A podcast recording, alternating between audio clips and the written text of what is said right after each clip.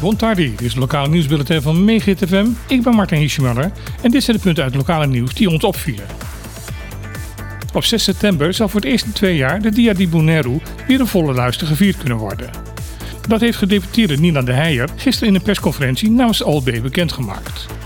De Heijer zegt blij te zijn dat de viering weer zonder beperkingen gevierd kan worden. De dag zal om 8 uur beginnen met een rituele eilandsraadvergadering in de Passagrahan. Om half tien zal er dan een défilé langs het bestuursgebouw plaatsvinden, waarbij een grote Bonaireaanse vlag gehesen zal worden. Het officiële gedeelte zal tot 12 uur s middags doorgaan en zal volgens Den Heijen zeer gevarieerd zijn. Op het middaguur zal ook het culturele programma in Terracorda gaan starten. Onder de bekende tamarindeboom zal er een programma zijn van live muziek tot 11 uur in de avond. Ook zullen er diverse standjes zijn met een rijk aanbod aan verschillende etenswaren.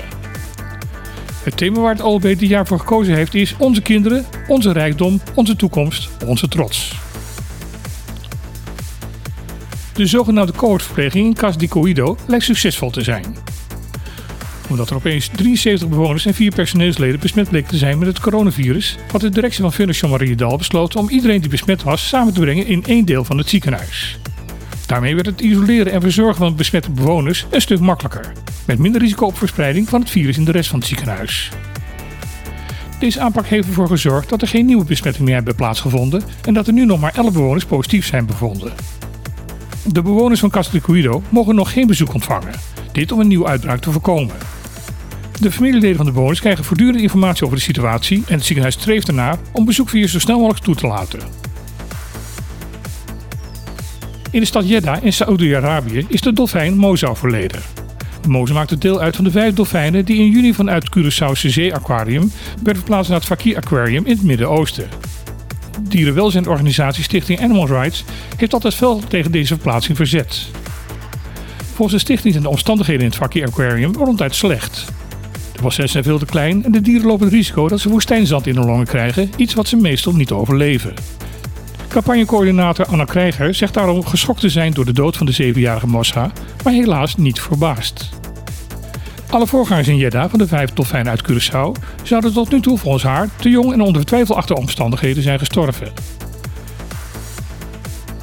Staatssecretaris Alexandra van Huffelen van Koninkrijksrelaties vindt dat zij de Tweede Kamer niet verkeerd heeft ingelicht en dat zij Reina ook geen excuus hoeft aan te bieden. Dat blijkt uit de beantwoording van de staatssecretaris op vraag van de PVV.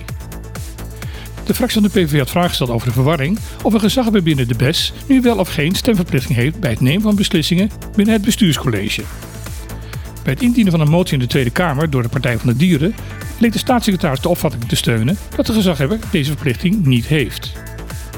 Allerlei van alle kanten opgetrommelde deskundigen zeggen daarentegen dat deze verplichting er wel is. Naar aanleiding daarvan heeft de PVV-fractie van Huffel opgeroepen om haar excuus naar de Kamer en aan de gezaghebber te maken. Ze zou de Tweede Kamer verkeerd hebben ingelicht.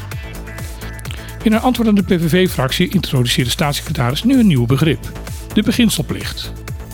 Als het tot de stemming aankomt binnen het bestuurscollege, moet de gezaghebber meestemmen.